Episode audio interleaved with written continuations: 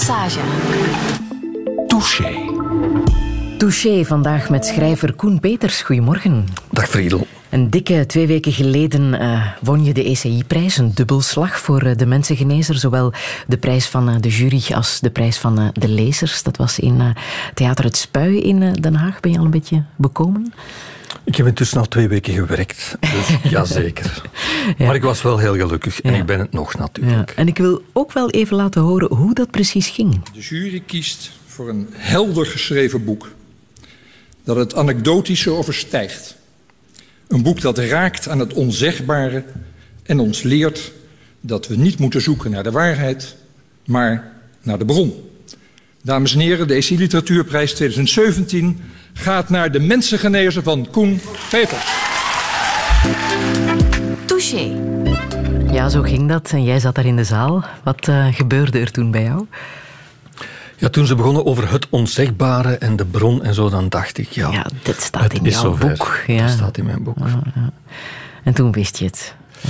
Ja, uh, ja um, in, in Humo had al gestaan dat ik de gedoodverfde winnaar was. Het klonk als de doodgeverfde winnaar. Um, je hoopt daar natuurlijk als schrijver allemaal op. Ik had dan de publieksprijs gekregen. Dan kreeg ik nog eens de echte grote ja. flosh van de kermis erbovenop. Ja. Dus ja, uh, ik was heel gelukkig. Alles samen 60.000 euro. Het is uh, flink wat geld. Je hebt ooit gezegd dat je, als je een grote literatuurprijs zou winnen, je een zwembad, uh, zwembad zou graven. Is dat, dat, nog altijd het doel? Nee, dat ben ik vergeten.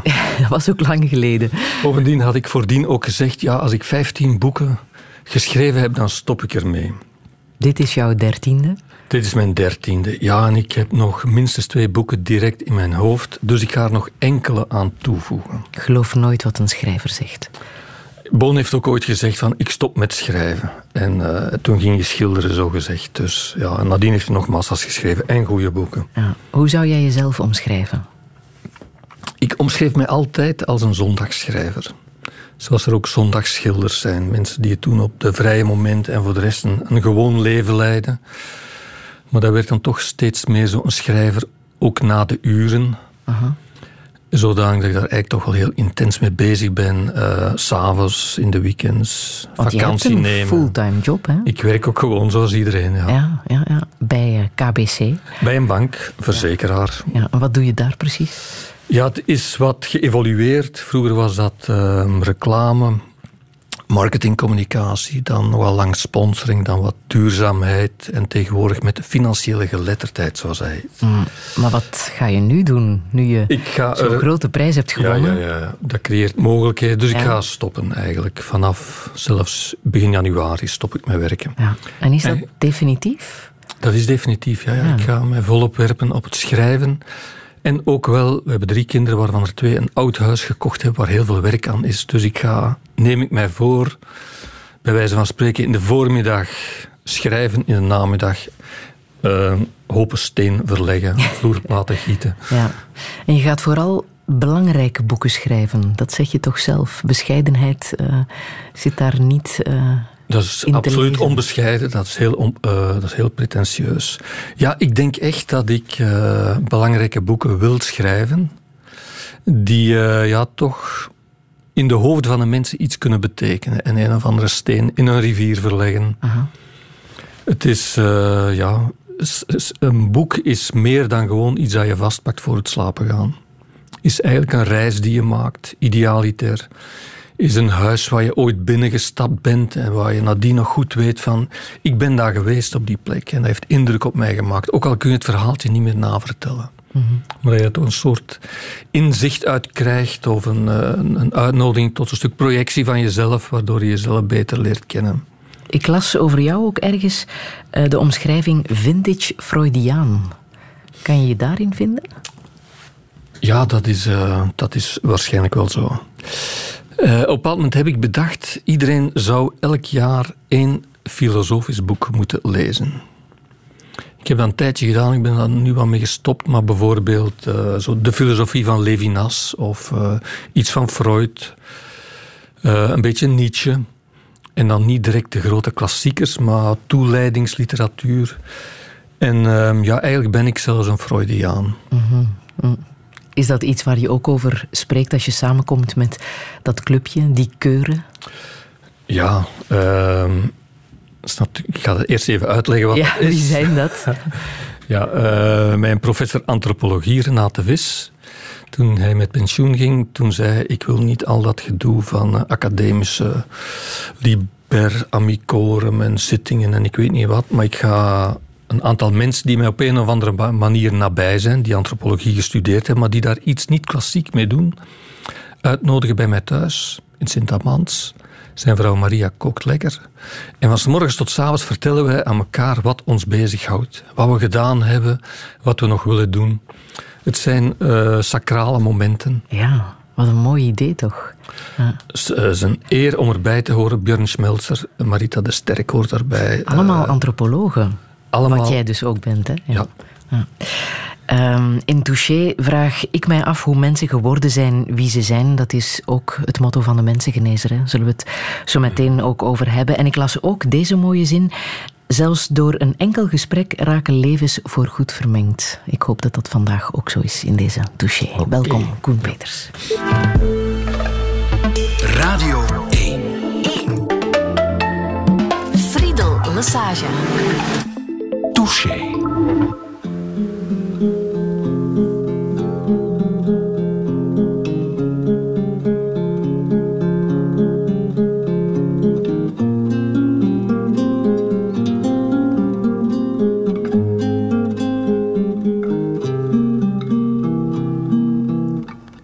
Hij van zijn leven in de Westhoek passeert. De regen en noorderwinden. Keert om het en dit dat je al hier passeert. De oorlog ga je hier weer vinden.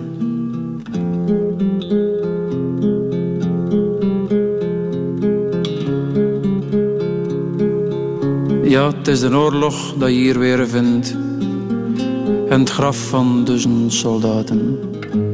Altijd iemands vader, altijd iemands kind, nu doodstille God verlaten.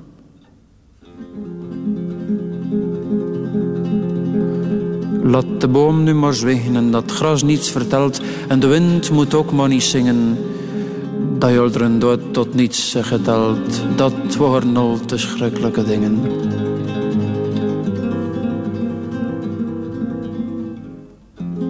Zegt, gaat al goed, er is welvaart in het land en de vrede ligt vast in de wetten.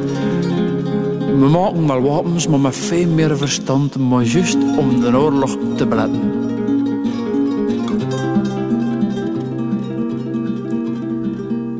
En grote raketten, atoom in de top, we mogen toch experimenteren. En we mikken wel een keer naar elkaar in de kop, maar juist om ons te amuseren.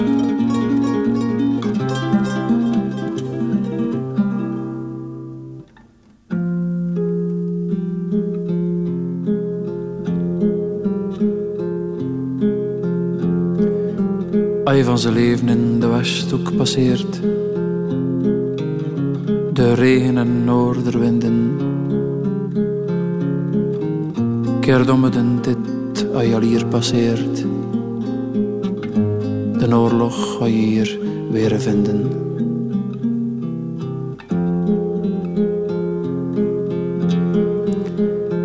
Ja, het is de oorlog dat je hier weer vindt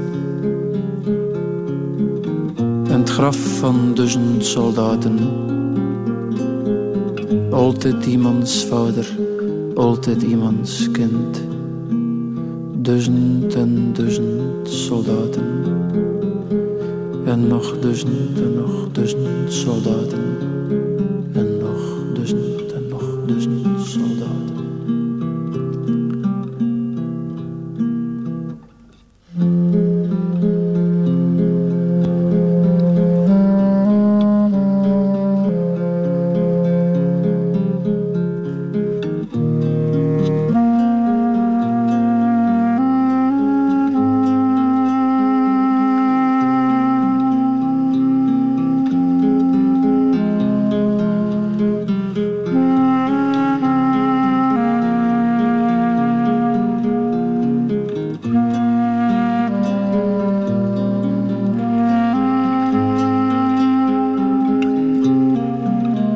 Duizend Soldaten van uh, Willem Vermanderen. Hij zingt over die mysterieuze sfeer die over de Westhoek hangt. De grond waar zoveel jonge soldaten het leven lieten. Het uh, mysterie dat ook Remy, uh, het hoofdpersonage uit De Mensengenezer, probeert te vatten, Koen Peters. Mag ik zeggen dat het zijdelings, toch zeker het, het begin van het boek, een studie is van de West-Vlaming?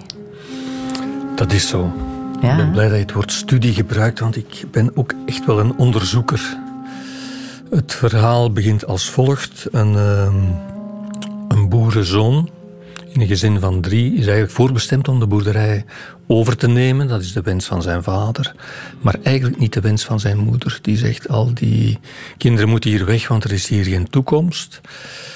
En verscheurd als hij is, daardoor uh, ziet hij maar één oplossing en zegt hij plots, 17 jaar of zo, aan zijn ouders: Ik wil Jezuïet worden.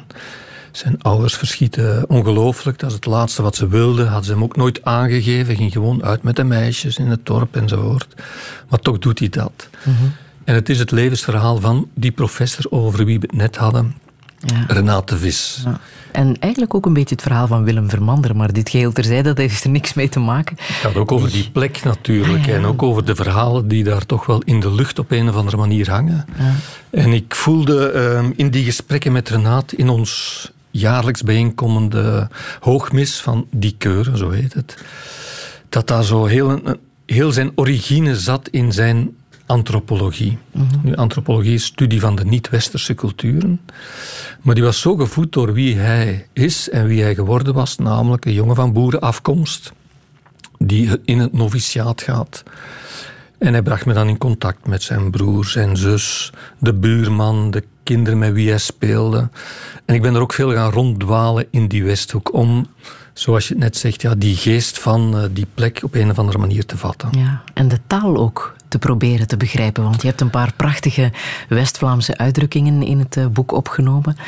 Ehm, praten vult geen zakken, bijvoorbeeld. Ja, ja, Als je het dan hebt over die zwijgende families. Ja. Nu, ik ben een beetje geholpen door mijn vrouw, die is van Oostende. Hoewel Oostende iets compleet anders is natuurlijk. Een andere eh, taal. in de gesprekken met mijn schoonmoeder heb ik toch wel, wel de eerste noties West-Vlaams uh, meegekregen. En ook die hele mooie... Het zal geen aarsniens in die krul leggen. Ja. je bent Waar heb je die gevonden? Ja, ik ben toevallig ook van de streek. Ja, ja. Waar heb je die gevonden? Uh, ja, gewoon door met die mensen te praten. Ja. Ehm, ik vind dat heel belangrijk. Zo. De mensen opzoeken. Ik heb dan mijn Muji-schriftje voor me liggen. Ik luister, ik stel vragen. Ik vind het ook soms heel lastig om wat, wat kan ik nu nog vragen? Zeker als de mensen een beetje zwijgzaam zijn. Maar als je schrijft, dan kun je heel geduldig luisteren. De mensen denken dan wat meer na en ze zien, hij is er bijna, oké, dan moet ik iets anders zeggen. Mhm. Voor mij zijn dat heel intense momenten. Ik, ik discussieer ook nooit. Ik wil ook geen gelijk halen. Ik wil ook niks meedelen. Ik probeer zo goed mogelijk empathisch te horen van wat is het discours? Wat is het leven? Hoe zien zij terug? Vaak zijn de oude mensen. Die kunnen heel goed vertellen als ze terugkijken en ze kunnen ook alles, zoals een schrijver, met knoopjes aan elkaar hangen, doen hangen. Dus eh, voor mij was het heel belangrijk om. Het, gaat, het speelt zich af in Leijselen, Alveringem, echt aan de grens, vlak aan uh, de grens met Frankrijk. Uh, de boerderij, als je door het veld ging achter een boerderij, was je in Frankrijk. Mhm. En dat is ook een van de eerste scènes die in het boek verteld worden, zoals Renate Vincent me verteld heeft, de chemin mitoyen, de gemene weg, die echt op die grens loopt. Mhm. En als klein jongetje fietste hij dan een beetje naar links, een beetje naar rechts, een beetje naar links en naar rechts en telkens over die grens. Heb je echt geprobeerd zijn verhaal te vertellen van Remy, van Renate de Vries, ja. jouw professor? Ja, ik heb het onderzocht op het belachelijke af van iedereen met wie hij mij in contact kon brengen en de mensen met wie zij mij in contact konden brengen, door die ja, proberen te zien. Ja. Wat fascineerde jou zo in zijn levensverhaal? Um, ik ben geen West-Vlaming, ik kom uit de Kempen, wat ook een beetje een perifere, zo'n een streek aan de rand is. Ik vind uh, het verhaal van boeren ook wel heel sterk omdat boeren die vechten niet tegen de natuur, maar proberen er hun voordeel mee te doen op een gewikste wijze. Dat heeft dat te maken met wanneer zaai je in. Tja, wanneer zaait die andere boer in die ook wel succesvol is? Wanneer uh, doe je de verschillende behandelingen van het gewas? Wanneer oogst je? Wanneer breng je je vlas op de markt of ga je het verkopen? Wachten tot de juiste prijs of de best mogelijke prijs enzovoort. Dat soort, ik vind dat heel interessant. Zo meeplooien met krachten die er zijn. Wat in de boerenstiel, maar wat ook bij ondernemerschap eigenlijk allemaal heel belangrijke eigenschappen zijn. Mhm. En bovendien de streek natuurlijk. Al die begraafplaatsen waarover Vermander het had. Al die kleine begraafplekjes midden van de velden. En vooral die symbiose van... Je hebt daar een, veld met, uh, met spruitkool of met tarwe of met vlas. En direct daarnaast is dan zo'n uh, proper afgemaaid gazonnetje met die witte zerkjes op, altijd eender, uh, met die namen op, soms alleen known unto God enzovoort. Ik vond dat heel schoon om te zien hoe dat die samenleven. Mm Het is misschien het verhaal van uh, Renaat de Vis, jouw professor, maar ook van jou. Hè? Want er is een antropologie-student die dat leven inderdaad gaat uitzoeken. Mag ik veronderstellen dat jij dat dan bent, op een of andere manier?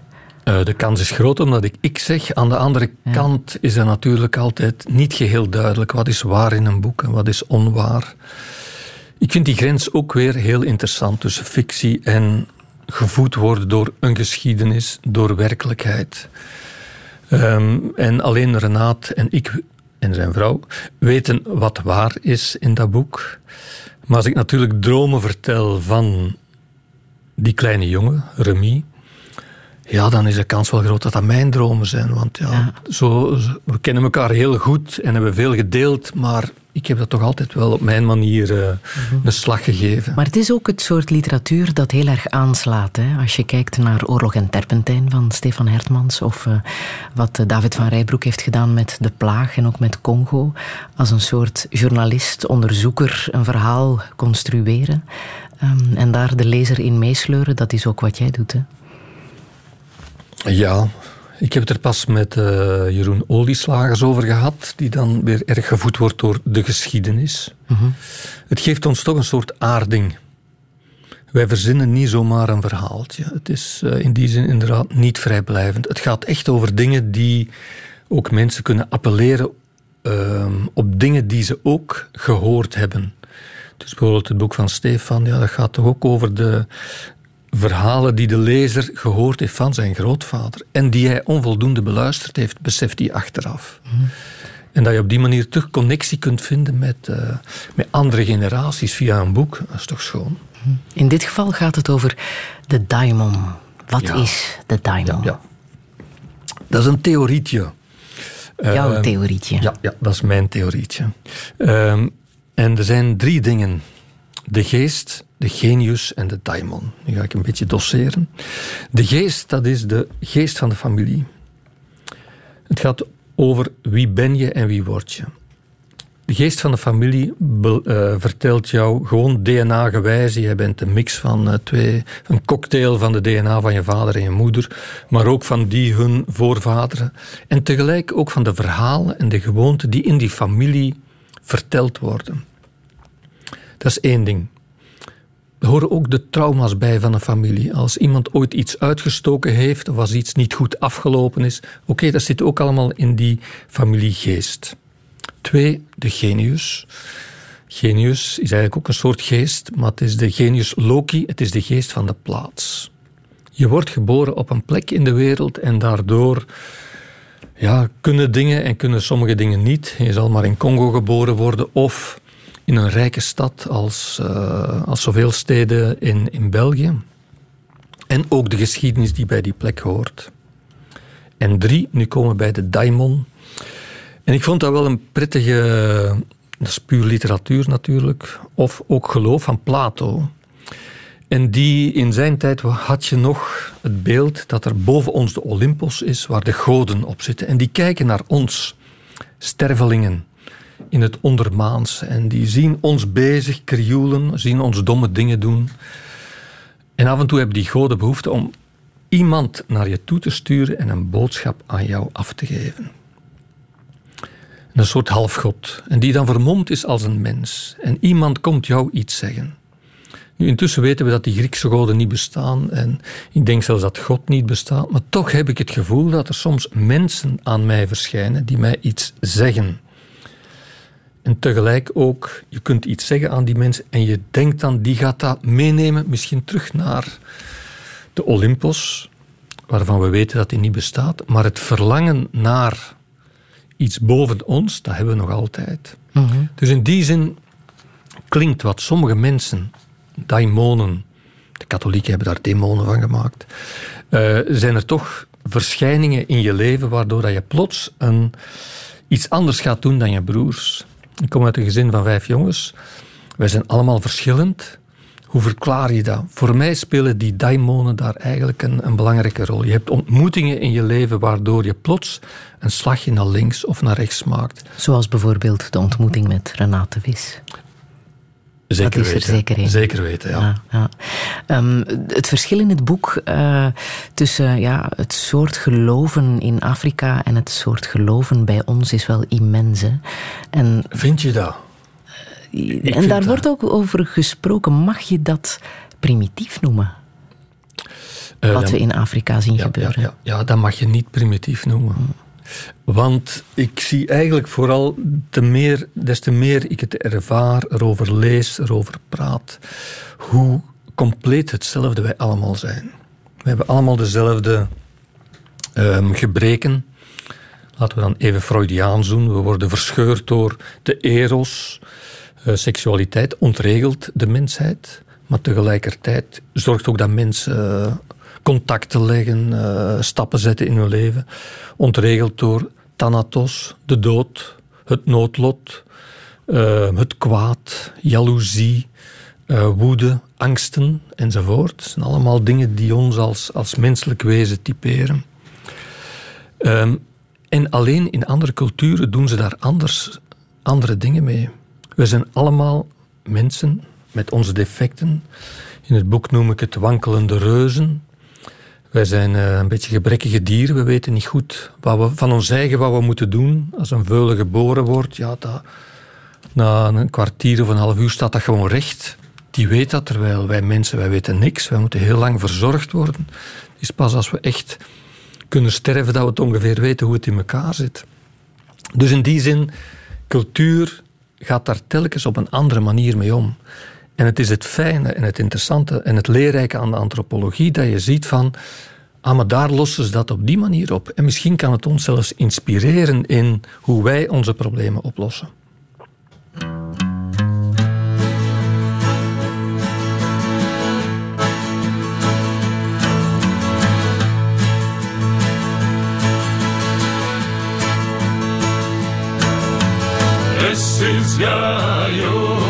mūžu zemi, ko kladami, spēlēdami, es izgāju prūšu zemi, ko kladami, spēlēdami.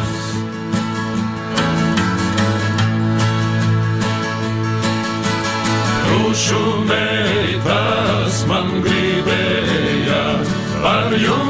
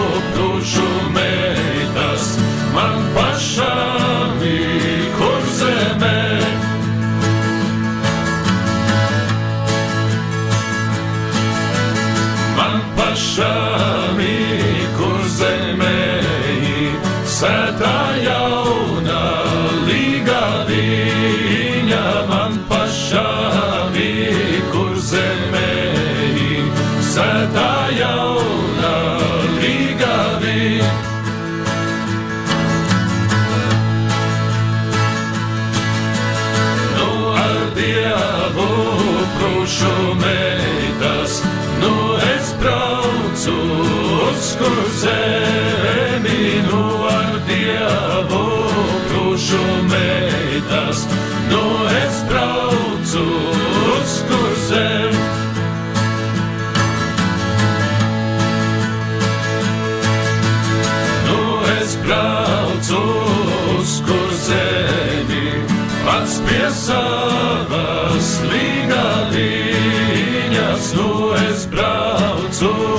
Dit is uh, muziek uit Letland, een, uh, een, volkslied. De titel, ik zal er mij niet aan wagen, mijn Lets is niet zo goed. Koen Peters, dat van jou misschien wel?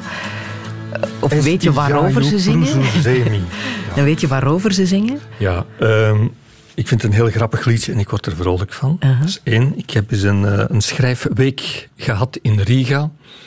En toen had ik wat zitten googelen. En uh, dit is een, een heel bekend volksliedje. Er hoort een volksdans bij, waarbij vier of vijf mannen doen alsof ze op een paard rijden. Het liedje gaat over uh, jongens die naar Pruisen gaan en daar gebiologeerd worden door de knappe Pruisische vrouwen. Maar dan denkt hij toch maar terug aan zijn vriendinnetje die Kurtzeme heet. En hij zegt, ik ga straks terug naar Kurtzeme. Mm. En het is echt een, een boerenliedje. En toen ik in uh, Riga was, heb ik mij verdiept in uh, Christianis Barons.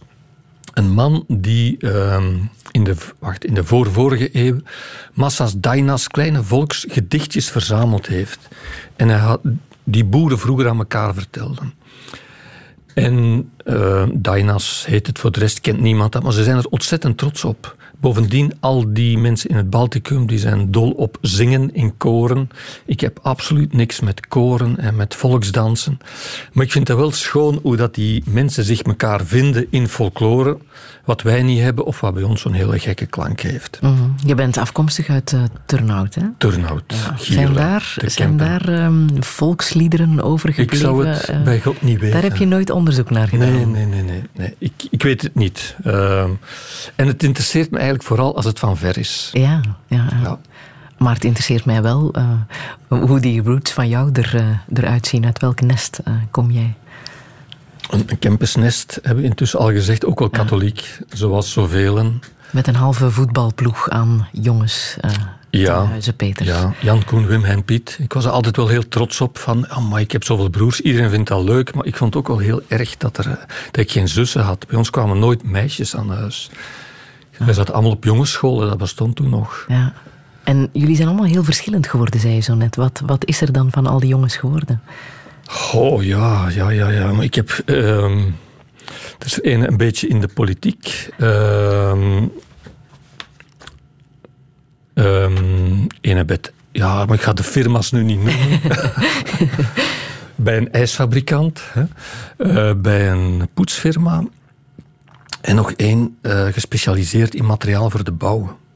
En als er eentje in de politiek is beland, heeft dat allicht te maken met jouw vader? Misschien wel. Aha. Misschien wel, maar het is lokale politiek. Jouw vader was uh, volksvertegenwoordiger lange tijd voor uh, de CVP. Op welke manier heeft dat invloed gehad op, uh, op jou? Oh, uh, vooral dat ik hem eigenlijk haast nooit zag. Mijn vader was altijd weg. Um, hij is zijn carrière begonnen als voorzitter van de Boerenjeugdbond. Tja, het gaat heel de tijd over boeren, hoewel ik op zich daar niks mee heb. Hè, maar, um, en dan werd hij internationaal voorzitter van de MIJARC. Mouvement International de Jeunesse Rurale et Agricole of, of zoiets. Chrétien natuurlijk, of katholiek. Uh, en zo is die in de politiek gegaan. Mm -hmm. Dus hij was eigenlijk vooral afwezig. Altijd vergaderingen, zat boven op zijn bureau. Behalve dat ene jaar, hè? 68. Ja, ja. ja. Wat is er heb, toen gebeurd? Ja, ik heb er ook over geschreven in mijn boek De Bloemen. Ik was toen negen jaar of tien jaar. Um, en op een bepaald moment, ja, mijn vader was altijd weg. En plots, s'nachts, uh, geweldige scène, brancard, vader wordt afgevoerd. Uh, mijn vader was thuisgekomen van een verkiezingsmeeting, waar hij eigenlijk heel hard was aangepakt door um, Volksunie knokploegen. Um, de, zijn auto stond nog wel in de garage. Een vriend had hem gebracht. Allemaal uh, kleine stickertjes met Vlaamse leeuwen erop voor een onafhankelijk Vlaanderen. En dan, ja, mijn vader was dan eigenlijk een, heel... In mijn uh, herinnering, het zal toch wel ongeveer zoiets zijn, een heel jaar weg. Ziekenhuizen. In, uh, in Turnhout, in, in Tilburg, in, ook in de Ardennen ging hij dan rusten. Hij had dan zo'n metalen frame rond zijn hoofd. Er waren um, wervels in zijn nek verbrijzeld. Dus dat was eigenlijk heel hard, mhm. lelijk aangepakt door knokploegen. En het is zo, mijn broers die werden uitbesteed naar tantes en onkels in de omgeving, maar ik bleef thuis. Ik was een brave, een brave zeker, ik weet het niet waarom dat ik thuis gehouden werd. Dus ik zag dat misschien ook wat intenser dan, uh, dan de anderen. Ja. Bovendien uh, werd er eigenlijk ook nooit over gepraat nadien. Dat men sprak, nee, men, wij spraken over het accident. Daar is ook nooit een rechtszaak van gekomen. Uh, ja, ik ging dan mee met mijn moeder naar het ziekenhuis. Die lag daar dan. Mijn vader zag zich op te winden, had dan een kopie gekregen van die procesverbalen. Vroeg zich af, wie heeft dat godverdomme gedaan? Maar ze hebben dat nooit niet gevonden of willen vinden, om het even. Ja. En in de bloemen vertel ik dat verhaal omdat ja, ik was eigenlijk ook wat vergeten. En ook, wij hadden dat altijd geminoriseerd, zo, en kleiner gemaakt. Mijn ouders waren overleden. En op een bepaald moment komt de jongste broer van mijn vader, onkel Louis. En die zegt, Koen, ik heb hier nog papieren die bij ons in de kluis lagen. Ik geef ze aan jou, maar je mag daar niks mee doen geeft hij aan een schrijver. En dat waren die kopies van die proces, procesverbalen met die streepjes op allemaal en vraagtekens en kleine notities. En ja, plots dacht ik, wat is daar gebeurd? En werd ik heel erg geraakt door die onrechtvaardigheid en wou ik dat oplossen terwijl mijn vader dat eigenlijk op een bepaald moment achter zich gelaten had. Bovendien had onkel Louis mij ook gezegd, ik heb die papieren van je vader afgepakt. Want die lag in het ziekenhuis en die zat de hele tijd met die papieren. En zijn jonge broer zei: René, je bent u ziek aan het maken. Geef die papieren aan mij. En had hij dat meegenomen. Mhm. Na een jaar, zo weet ik van Louis, intussen ook overleden, ehm, kwam mijn vader op familiebezoek. En hij vraagt zich: Louis, ik zou graag die papieren terug hebben. Hij was intussen hersteld. Waarop Louis vroeg: Zou ik dat wel doen, René? Waarop mijn moeder zei, nee, het is best dat je ze houdt. En dus dat is eigenlijk altijd gewoon een beetje... Uh, en wat voor iemand was jouw moeder? Uh, heel zorgzaam. Um, zij had gestudeerd voor tekenlerares. Maar zij zei, ja, ik, zij zag dat niet zitten. Ze was bang om voor een klas te staan. Ook klein van gestalte. Dus geïmponeerd wellicht. En in die zin was ze blij dat ze trouwde. En dan plots een lawine van kinderen die haar overkwam. Te snel, te veel wellicht. Maar ja, in die zin was super huis, huisvrouw. Die er altijd was. Um, ja, tot zover deze kleine lofzang.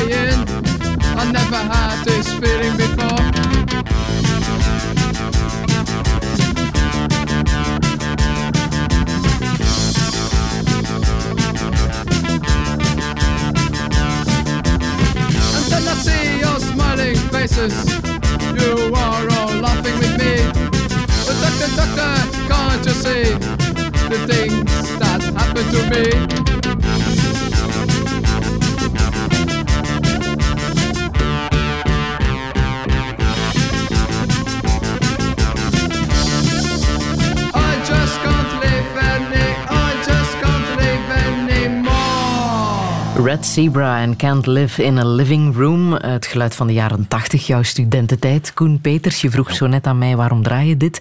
Daarom dus. Okay. Belpop uit de jaren 80. maar ook omdat ik las dat je heel erg gefascineerd was door punkers. Ja, ik heb een, scriptie gemaakt over de punksubcultuur voor antropologie. Ja, omdat je dacht, dat is een slagvolk dat ik even moet onderzoeken?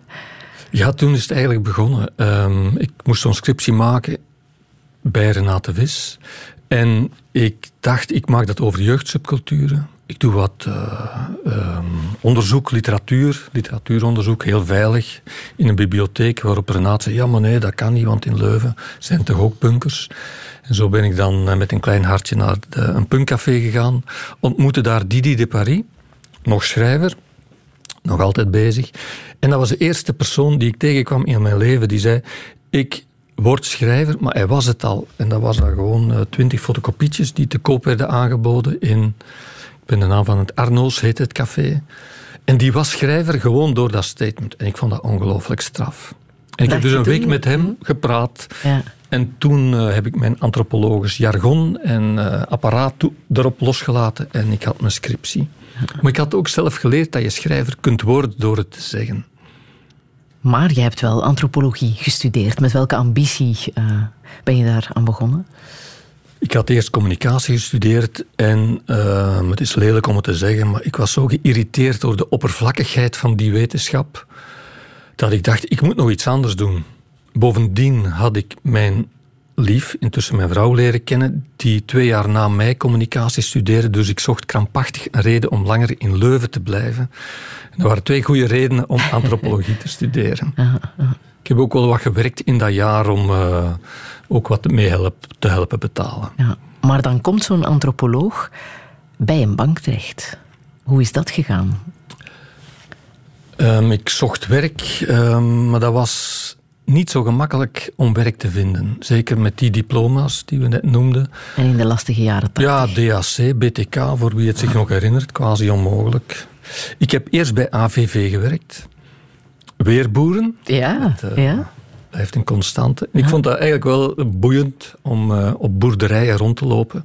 Artikeltjes te schrijven over mengvoeders, saaigranen. En na vijf jaar dan naar Sera en dan zo naar KBC. Ja.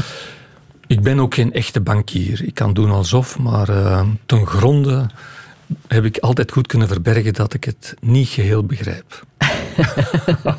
Bekentenis. Nu? Ja. Oei.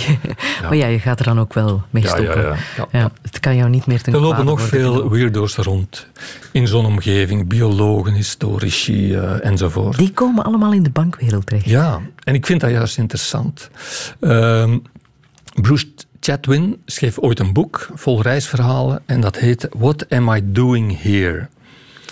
En ik vind dat een hele goede vraag, want ik kom steeds meer overal mensen tegen die zich eigenlijk ook die vraag stellen: wat ben ik hier aan het doen? En die daar met vervreemding, verwondering, ergernis enzovoort naar kijken, wat hen juist voedt om dan dat vak toch op een of andere manier goed te doen. Ja.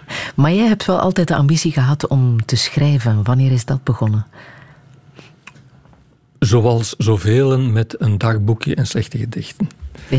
Maar door in Leuven te studeren kwam ik terecht in een groepje dat we zelf gevormd hebben aldoende. We noemden onszelf het Independent Research Center, ook weer onderzoek.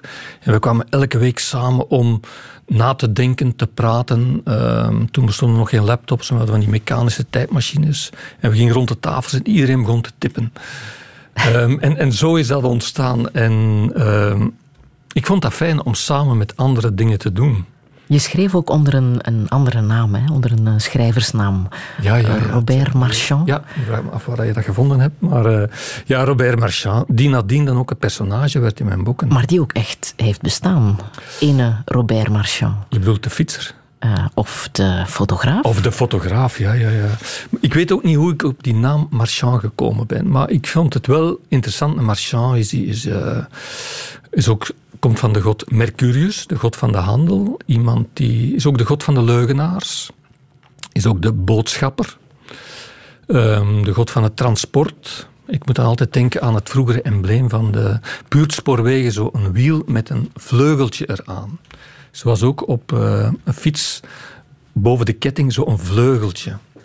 Dat soort symboliek vond ik altijd wel heel fijn.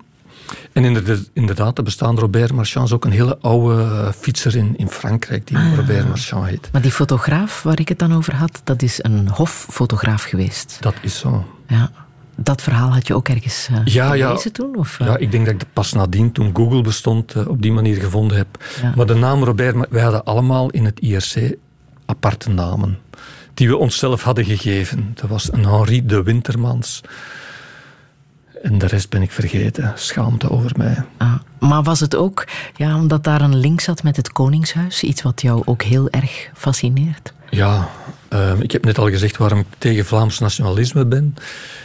Ik hou eigenlijk wel van dat soort vreemde constructies als België, het Koningshuis, maar ook kunst, het, namelijk het verbinden van dingen die niet samenhoren. Of in het Koningshuis, ja, ik, ik vind dat misschien is het een soort folklore. Um, en ook, het heeft ook wel een functie in dit uh, vreemde land en, uh, waarin wij wonen.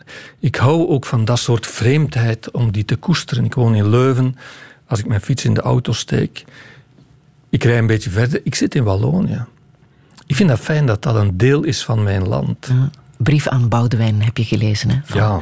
Walter van den Broek. Welke betekenis heeft dat boek voor jou?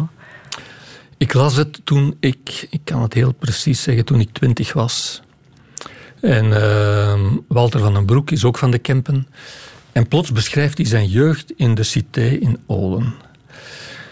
En die beschrijft op een manier die zo gewoon is en indringend is. En een portret maakt van een jongetje uh, in de Kempen, toevallig met zijn familie. En ook die hunkering naar iemand moet mij komen halen. En dat is dan in dit geval koning Boudewijn zelfs. Dat ik dacht, ja, zo kun je ook schrijven. Ik heb altijd heel veel gelezen, maar bij dat boek dacht ik, tja, ik opnieuw, dit kan ook mijn verhaal zijn. Mhm. Ik kan ook zo schrijven. Het is mogelijk om boeken te schrijven. En daardoor begon ik ook stukjes te schrijven voor mijn vrienden van het IRC. Het was het begin van de copycenters. Dus je kon een tekst tippen, het klinkt allemaal heel archaïs. En dan ga je naar het copycenter en die maakt daar dan tien kopies van. Ik maakte daar boekjes van en ik verkochte aan mijn uh, maten van het IRC. En op een bepaald moment zei een van die fijne IRC'ers, toen ik zei, ja, ik ga misschien een boek schrijven. Die zei, jij kunt dat niet. En dat heeft mij zo getriggerd van, waarom kan ik dat? Ja, tuurlijk kan ik dat wel. Zo is het eigenlijk begonnen. Mm. Je kan ook schrijven zoals Claude Lévi-Strauss heeft gedaan, uh, de grote antropoloog. En zeker in zijn boek Triest Tropiek. Uh, ja, ja. Het trieste der tropen. Ik vermoed dat dat een boek is dat je hebt leren kennen door jouw professor, uh, Renate Vis. Nee, eigenlijk niet. Nee? Ik had, we waren met een aantal Pollensokkers naar Parijs gegaan en ik had toen dat boek mee, Triest Tropiek. Ik las het toen in het Engels, denk ik. Um, en dat boek begint met kan het niet juist zeggen in het Frans, nog in het Engels. Ik heb een hekel aan reizen en ontdekkingsreizigers. Maar dan vertelt hij hoe hij op, op zoek is geweest in Latijns-Amerika. Bij de meest exotische stammen, de Yanomami en uh, al die koppensnellers en toestanden. Ik vond dat zo intrigerend, zo spannend. En tegelijkertijd ging dat ook over, wat ik daar straks al zei, cultuur is Elke cultuur is een manier om te leven met je gebreken. En hij beschrijft dat zo prozaïs, dat uh, ik ook een, daarin een reden vond, ja, antropologie is wel wat ik nodig heb om de wereld te begrijpen. En ik had dat ook heel erg als ik dat studeerde. Dat was voor mij heel intens. Eerst een beetje spelen in mijn communicatiewetenschappen. En dan plots moest ik heel erg gehaast dat diploma halen, dat afwerken. Uh, en plots dacht ik, tja, ik snap hoe de wereld in elkaar zit. Hoe mhm. mensen met elkaar omgaan. Dat is ook wat uh, Remy, de hoofdfiguur uit uh, De Mensengenezer, doet. Hè. Die trekt naar de Yaka in Congo, gaat ook tussen een bevolkingsgroep leven om te ontdekken ja, wat, wat hen bezighoudt, hoe hun leven in elkaar mm -hmm. zit. Ehm, dat is ook iets wat jou enorm fascineert. Je bent ook zelf naar Congo gegaan om, om te zien en te voelen hoe het daar gaat. Ja. Ik werk altijd inderdaad zo eerst heel veel lezen. Alles wat ik kan vinden daarover. Uh, dat ik goed weet wat er ter plekke is en dan de reis zelf doen. Ik wil heel goed geïnformeerd zijn, zodanig dat als ik spreek met iemand, dat ik eigenlijk weet wat hij gaat zeggen, maar dat ik uh, vooral kan letten op hoe zegt hij dat. Of tja, hij zegt het toch anders, of hij zegt het niet, of um, op welke plek zegt hij dat.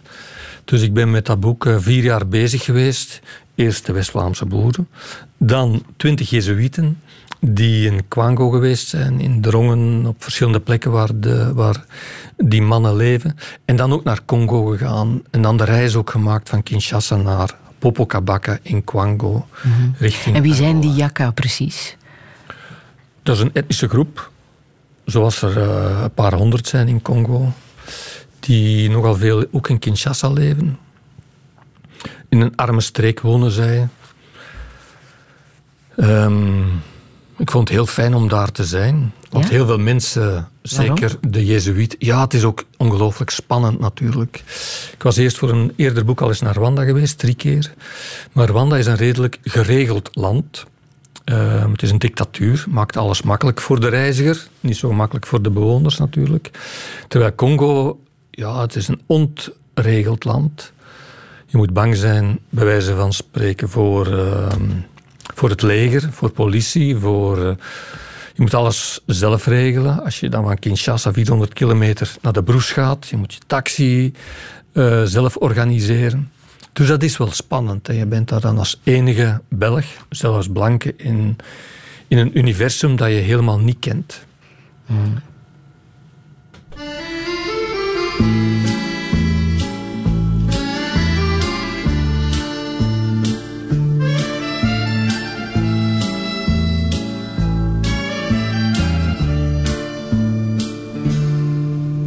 Era l'ultimo della classe, ma nessuno gliene voleva. Ogni giorno una cosa nuova e di tutti se la rideva. Poi la vita se lo rubò, senza dargli mai più di un po'. Lui di questo si contentò fino a quando non lo scocciò voleva cogliere margherite, ma i campi in fior già non c'erano più.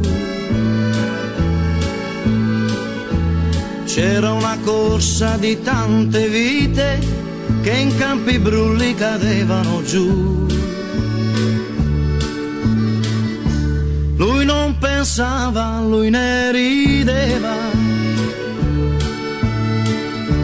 andare avanti era un piacere.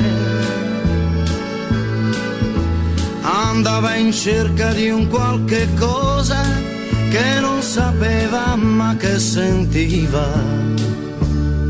Andava in cerca di un qualche cosa che aveva dentro chiamato amore. Una bocca e due occhi neri non bastarono alla sua sete, per la luce che lui voleva, non lo chiusero nella rete. Una musica lo portò dove niente lo disturbò, con il rullo che lo esaltò fino a quando non lo fermò. Lo colse in fronte una margherita e un fiore rosso blu per lui sbocciò. Fu questo il premio per una vita che guadagnava la libertà. È nato un campo di margherite.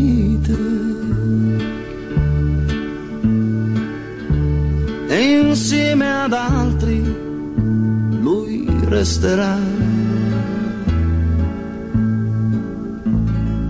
Non avrà un nome fra tante vite, non sarà l'ultimo, ma un uomo in più.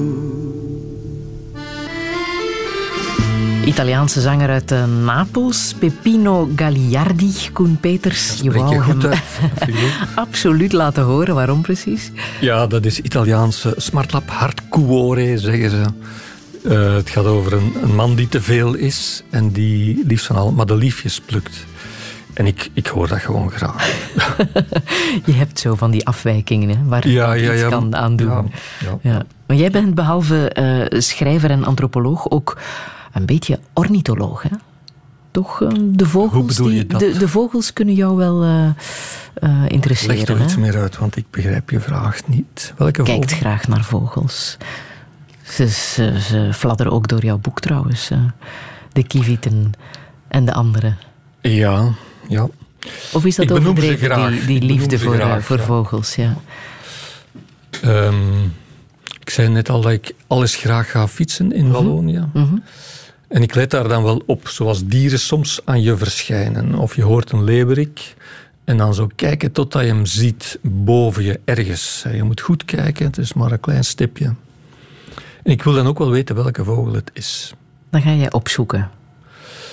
Ja, of, of een dode vogel vinden of zo, of dode dieren. Zo. Ja. dat is een beetje het fetischisme ook. Als een dier aan je verschijnt, dan kun je afvragen, wat, wat zou, stel dat dit dier iets aan mij wil zeggen, wat zou het dan kunnen zijn? Mm, mm. Of ook, als mensen spreken met hun huisdier, moet je eens opletten, wat mensen aan hun huisdier zeggen, dat zeggen ze eigenlijk aan zichzelf. En dan moet je dat beluisteren en proberen te begrijpen. Dus in die zin spreekt een dier tot, tot de mens. Als jij fietst in Waalse dorpjes, moet ik daaruit afleiden dat jij een sportieve mens bent? Zal ik onmiddellijk fors tegenspreken, want uh, ik doe dat eigenlijk ook op de volgende manier. Ik heb een schriftje. En elke keer als ik een dorp gedaan heb, en daarmee bedoel ik elke weg in dat dorpje befietst hebbende, en met fiets kom je overal, dan moet je vaak terugkeren enzovoort, dan maak ik wat notities op een bladje papier en plak ik die in mijn boekje, in dat schriftje. Ik heb er al 181. Volgens heel veel moet daar eens een boekje van komen. Ja, maar ik ben nog niet ver. Hè. Maar Waals-Brabant heb ik toch al wel wat gedaan, zo een stukje luik. En... Maar het is dan eigenlijk ja, met, met een, opnieuw een quasi-toeristische blik af en toe stoppen, ook een fotootje maken. En als ik, ik ben geen goede slaper, maar als ik dan niet goed kan slapen, dan probeer ik dat terug te fietsen in gedachten. En dat mhm. brengt mij toch op een of andere manier tot rust. Mm Filmliefhebber, ben je dat? Ehm, ik heb daar eigenlijk geen tijd voor. Helaas. Binnenkort misschien wel, maar ehm, ik heb daar geen tijd voor. Maar als er een film is die jou wel heeft geraakt, dan is het Intouchable. Ja, zo is het. Waarom precies? Ja, wellicht heeft iedereen die film gezien is uh, door miljoenen intussen bekeken. Mm, over die verlamde aristocraat die een vriendschap opbouwt met zijn uh, verzorger, een jonge ja. delinquent, uh, waarmee het toch zeer goed blijkt te klikken. Een zwarte. Hè, uit Afrika. Ja, is echt een feel-good film. Laat meteen al even de muziek horen, want die hoort er wel bij, hè, bij wat je wil vertellen. De muziek van Einaudi. Ja, ja, ja van Einaudi. Ja. Mm. Ja, en die, die gaat tegen alle clichés in. En het toeval wil ook, de werkster bij ons op het werk is een, uh, een Congolese dame die daar komt poetsen. En haar man doet exact hetzelfde. Francine is afkomstig van Lusaka, het vroegere Lever, Leverville. En dat gaat ook over een medemens die je plots ontdekt achter een delinquent, zo wordt gesuggereerd, die die zieke mens verlamd, eigenlijk niet beschouwd als een zieke mens, maar iemand met, wie je kunt praten. En die beleven de gekste avonturen in die film.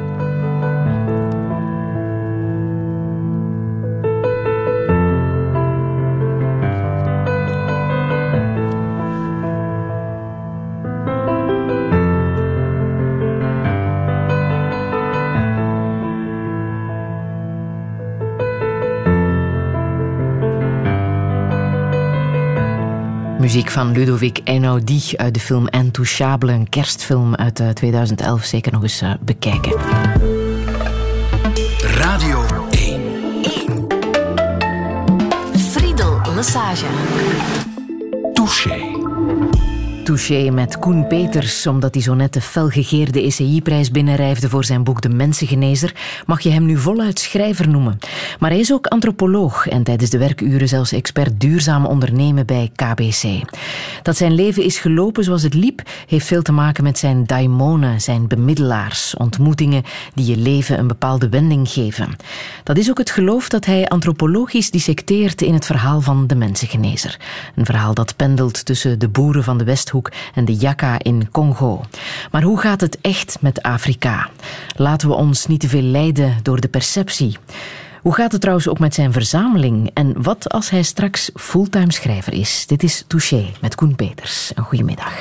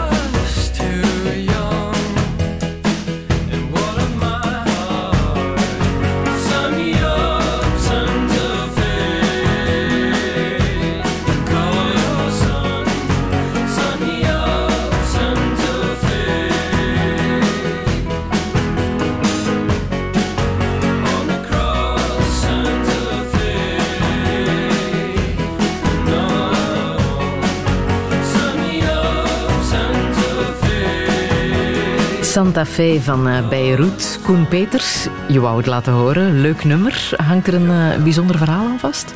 Ja, ik ben een fan van W.G. Zeebald, mhm. schrijver. Ja.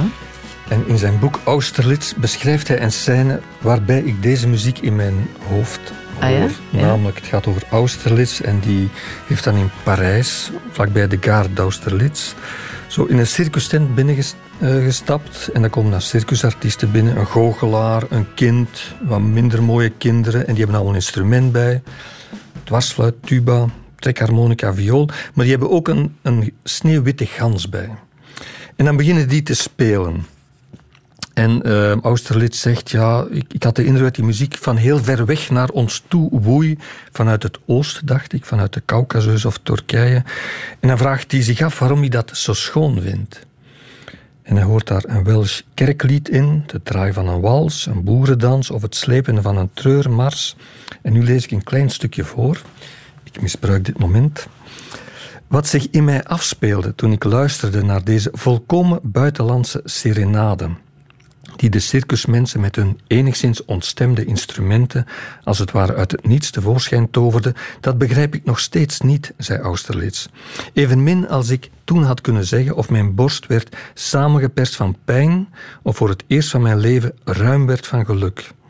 Waarom bepaalde klankkleuren, toonschakeringen en syncopieën zo raken, dat zal iemand die zo fundamenteel amuzikaal is als ik, zei Austerlitz, nooit begrijpen. Maar nu, terugkijkend, heb ik het gevoel dat het geheim waardoor ik toen werd aangeraakt, lag besloten in het beeld van die sneeuwwitte gans, die roerloos en onwrikbaar tussen de muzicerende artiesten stond, zolang ze speelden.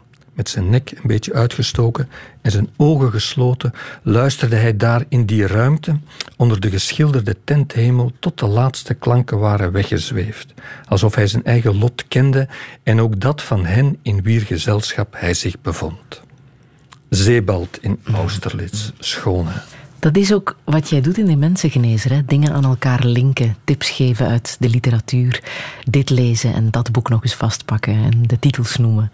Ja, ik deel heel graag mijn fascinaties. Ehm, en die toon, de manier waarop hij schrijft, uh, ja, biologeert mij ook. Ik maak mijn zinnen niet zo complex als Zeebald.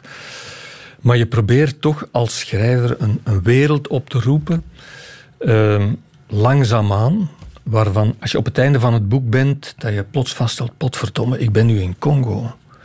Terwijl je niet naar Congo wilde gaan. En moest je beginnen lezen achteraan, dan zeg je: ik, ik versta dit boek niet. Maar als je de lezer meepakt, dan breng je die op plekken waar hij nog nooit geweest is. Zoals ook in de mensengenezer. Komen we in Congo terecht. Ehm, nu, het hele continent is iets wat jou enorm bezighoudt. Hè? Afrika. En hoe gaat het nu echt in Afrika? Het nieuws eh, van de afgelopen week um, ging onder andere ook over uh, Mugabe, uh, president Mugabe in Zimbabwe, die na 37 jaar is afgetreden. Een aftreden dat behoorlijk wat voeten in de aarde heeft gehad. Hoe heb jij dat gevolgd? Ja, ik, ik ben nogal gecibleerd op uh, Rwanda en Congo. Maar natuurlijk, ja, het is een algemeen fenomeen dat de machthebbers hun macht niet willen loslaten. Mm Bovendien wordt hij nu vervangen door iemand die als bijnaam de krokodil heeft. Toen ik in Congo was, ging het daar ook over. Ja, er zitten er nu krokodillen in de Kwango of niet? En er wordt de hele tijd over gepraat. En ze zeggen, er is er geen, maar je durft toch niet in het water gaan. Ik sprak dat, ik logeerde in een weeshuis en ik vroeg dan aan de kinderen, ja, zijn er krokodillen? Zijn ze gevaarlijk? Enzovoort. Ze zeggen, ja, er zijn krokodillen van God. Er zijn krokodillen die eigenlijk vermomde mensen zijn.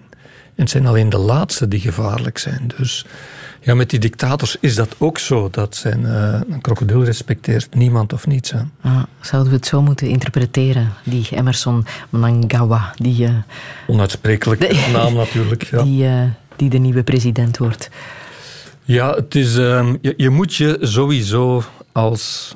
Je moet je niet. Ik denk dat het zinvol is om je te verhouden tot Afrika als je in België woont. Eén, er is de koloniale geschiedenis. En je kunt die ontkennen of op de manier zoals het je zint vertellen. Maar ze zijn hier. En ze beginnen ook steeds mondiger te worden, de Congolezen, de Rwandezen die bij ons zijn, omdat ze ook heel erg gelieerd zijn met ons. En het is ook goed dat ze een stem hebben. Bovendien die uh, hele migratiefenomeen. Um, interessant figuur daarover is Jan, uh, pardon, Ton Dietz, die zegt: ja, je kunt je niet anders in Europa erover nadenken van hoe ga je daarmee om. Die mensen zwemmen gewoon de Middellandse Zee over en zullen dat blijven doen. En dat komt gewoon door de klimaatwijziging, door het feit dat ze zo ondernemend zijn en ook uh, door het onevenwicht en de welvaartsgroei dat die naar ons komen.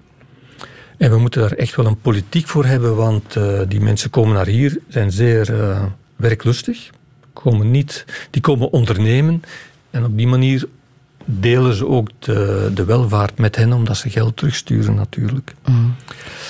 En dat, wij hebben het daar heel lastig mee. We denken, we, we knippen wat lijnen door en dan zijn we er vanaf. Nee, die gaan blijven komen. En die lijnen is moeten we globaal. helemaal niet doorknippen. Je kunt dat proberen, maar je kunt die niet doorknippen. Mm. En je moet weer, we moeten steeds globaler denken. En ik vind het dan altijd zo onzinnig dat wij diep nadenken over... ja, Catalonië moet dat nu splitsen van Spanje of niet. Ja, de, de wereld is niet meer te splitsen. Ehm, ook nieuws van de afgelopen week eh, hoorde ik in Nieuwe Feiten, is dat eh, de toestand in eh, Congo echt wel desastreus is op dit moment. Ze staan op zelfs, het ja. randje van de afgrond. Ehm, Dat zeggen we al heel lang natuurlijk. Ehm, en toen ik er was, toevallig, ehm, waren, waren er ook protesten. En op dat moment vertrok ik juist naar Popocabacca. En dan berichten zo van, eh, het is een onveilig land plots. Ehm, het internet werd uitgeschakeld, er werd geschoten op mensen. Een aantal, waarschijnlijk een vijftigtal mensen toch gedood door politie en leger in, ehm, in Kinshasa. En als ik terugkeerde was alles plots weer verdampt. Nu gelukkig is er in Congo een société civile waar de katholieke kerk een belangrijke, heel belangrijke eh, positieve rol speelt, in het bijzonder de bisschoppen. Het zal nog enige tijd vergen en het is eh, gevaarlijk om naar Ginder te gaan. houden Congolezen nog van, van hun land, denk je? Ja, natuurlijk. Ja? Dat is een van de dingen die wij daar Zelfs als het gecreëerd zo hebben. vreselijk Het, slecht eh, gaat. Ja, Als het onbestuurbaar is geworden en mensen massaal vluchten. Goh, ik denk dat ten gronde mensen niet wakker liggen van een land of zo. Die liggen wakker van, ik wil mijn kinderen naar school kunnen sturen, ik wil werk vinden, ik wil een gezin stichten. En dat is overal zo. Alleen is het heel moeilijk om daar te overleven. En kinderen zingen nog met heel veel liefde het volkslied, het Congolees volkslied, Ja, waar je iets laten we daar mee eens naar luisteren. Ja, ja, ja, we gaan even luisteren.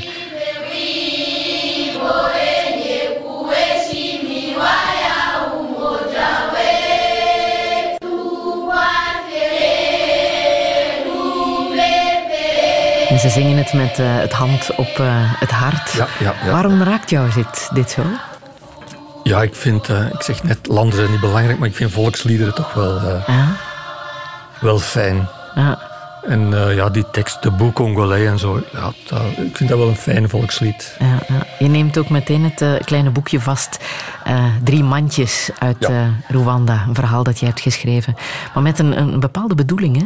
Ja, ik heb er tien meegebracht. Sorry, ik maak even reclame. Als je een mailtje stuurt naar Friedel, ik ken jouw e-mailadres niet, maar dat vind ik op de website. touché.radio1.be. Ja, ja. Dan eh, geven we er tien weg. En dat, is het, dat gaat eigenlijk over microfinanciering. Ja? Microfinanciering is eh, microkredieten. Kleine, gewone ondernemende mensen gaan een krediet aan om, ja, om een bepaalde investering te doen of om eh, geld te hebben om zaaigoed te kopen, om bepaalde problemen te overbruggen. Gebeurt ook in Afrika. Absoluut. Ja, En is ook overal nodig. ter wereld. En is eigenlijk een heel interessant economisch model om gewone ondernemende mensen eh, een steuntje te geven. Mhm. Is ook heel erg gebonden aan de manier waarop mensen zichzelf organiseren. En ik heb dat in Rwanda meegemaakt. Je hebt daar zo groep, groepen de solidarité. Dat zijn mensen, als je bij ons een, een lening aangaat, oké, dan kun je een hypotheek vestigen op je huis. En dan weet de bank, ze betalen zeker terug. Maar die mensen hebben niks die staan dan garant voor elkaar. Zitten in een groep met tien. Als één van die tien niet kan terugbetalen, dan zal de rest bijspringen. En op die manier krijgen zij krediet. Dus op die manier ben je heel sterk aan het werken, ook op sociale cohesie en mensen die elkaar ook gaan controleren om die lening terug te betalen. En dat stimuleert ook heel erg het sparen. En op die manier dacht ik, ik ga een boekje schrijven. Dit is voor BRS, Belgische Raiffeisen Stichting dat zo'n verhaal vertelt uit Rwanda. Prachtig geïllustreerd door Jeroen Jansen. Het is ook een ruilboekje, hè? Ja. En het idee is, je, moet dat, je mag dat maar aannemen op voorwaarde dat je het doorgeeft aan iemand anders. En dan moet je er ook je naam in zetten. En je naam erin zet. En op die manier symboliseer je toch dat geld soms niet gewoon banaal geld is, maar geld is sociaal, geld is warm. Geld heeft te maken met geloofwaardigheid. Van, eh, ik vertrouw jou, dus ik ga samen met jou dat engagement aan van we krijgen dat geld. maar ik ben er zeker van dat jij dat gaat terugbetalen. En dat soort ondernemingszin vind ik heel, uh, heel positief en, en veelbelovend. Zeker in zo'n moeilijke situaties als Congo en, uh, mm en Zwart-Afrika in het algemeen. Is dit een verhaal dat je ook vertelt op scholen? Want je bent ook bezig met een project de geletterdheid, de financiële geletterdheid in scholen uh, wat aan te wakkeren? Ze vragen mij soms om iets te vertellen over literatuur en dan vinden ze, tja, die heeft ook dat boeken geschreven. Ah, dat is interessant, kunnen we het ook hebben over Afrika enzovoort. Ik doe dat met veel plezier natuurlijk. Die twee dingen verbinden met elkaar, ook al het is kort. Het is, uh, het is, mooi, het is een mooi boekje. Het is gewoon geïllustreerd door Jeroen. Maar is het zo erg gesteld in scholen met de financiële geletterdheid? Nu stel je een bankaire vraag. Um, ja, ik denk dat, uh, dat dat zinvol is dat jonge mensen al nadenken over ja, hoe betaal je praktisch maar ook hoe ga je om met schulden. En uh, bijvoorbeeld als je een aanbod, dat natuurlijk heeft niks met literatuur te maken, als je uh, korting krijgt of een gratis iPhone of niet gratis, uh-huh. met een korting, goed nadenken over waartoe engageer ik mij, wat is het abonnementsgeld. Kan ik er niet een goedkopere krijgen die er misschien minder flashy uitziet, uitziet dan enzovoort. Dus ik denk ja, dat dat zinvol is, dat dat deel is van de opvoeding om om te gaan met schulden, geld enzovoort. Ja, of hoe gevaarlijk Black Friday kan zijn. Ja. Alles goedkoper wordt aangeboden. Ja, ik moet wel toegeven dat wij ook een reisje naar Venetië hebben geboekt op vrijdag.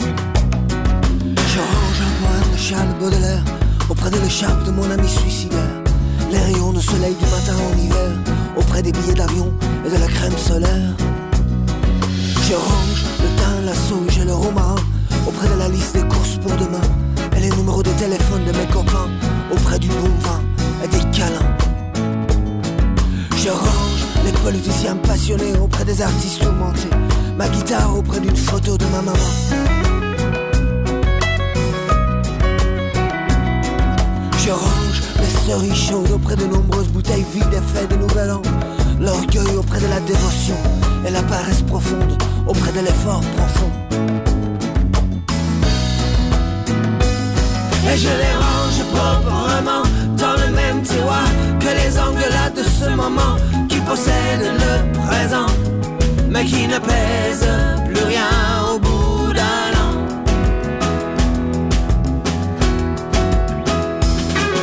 Je range la fatuité auprès du doute, l'immobilité auprès du voyage de noces, le vinaigre auprès du miel et le problème derrière le dos. Je range l'histoire d'amour auprès de l'histoire de guerre les petits soldats auprès de vers de terre. Ma gueule mal rasée auprès de l'envie de plaire.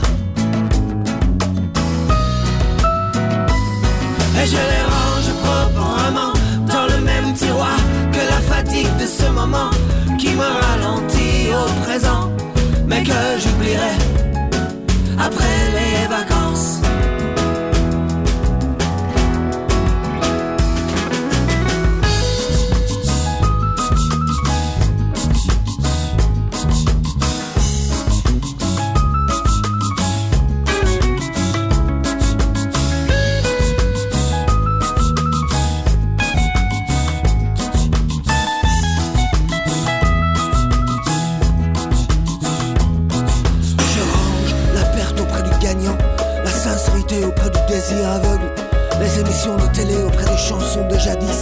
la mauvaise communication auprès du pari.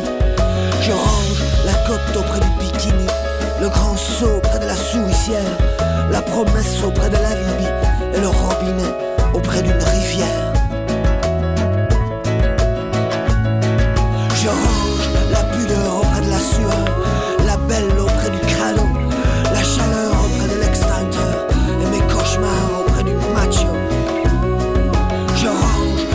Gerange van uh, Zita Swoon. Koen Peters, waarom heb je dit op je muzieklijstje gezet?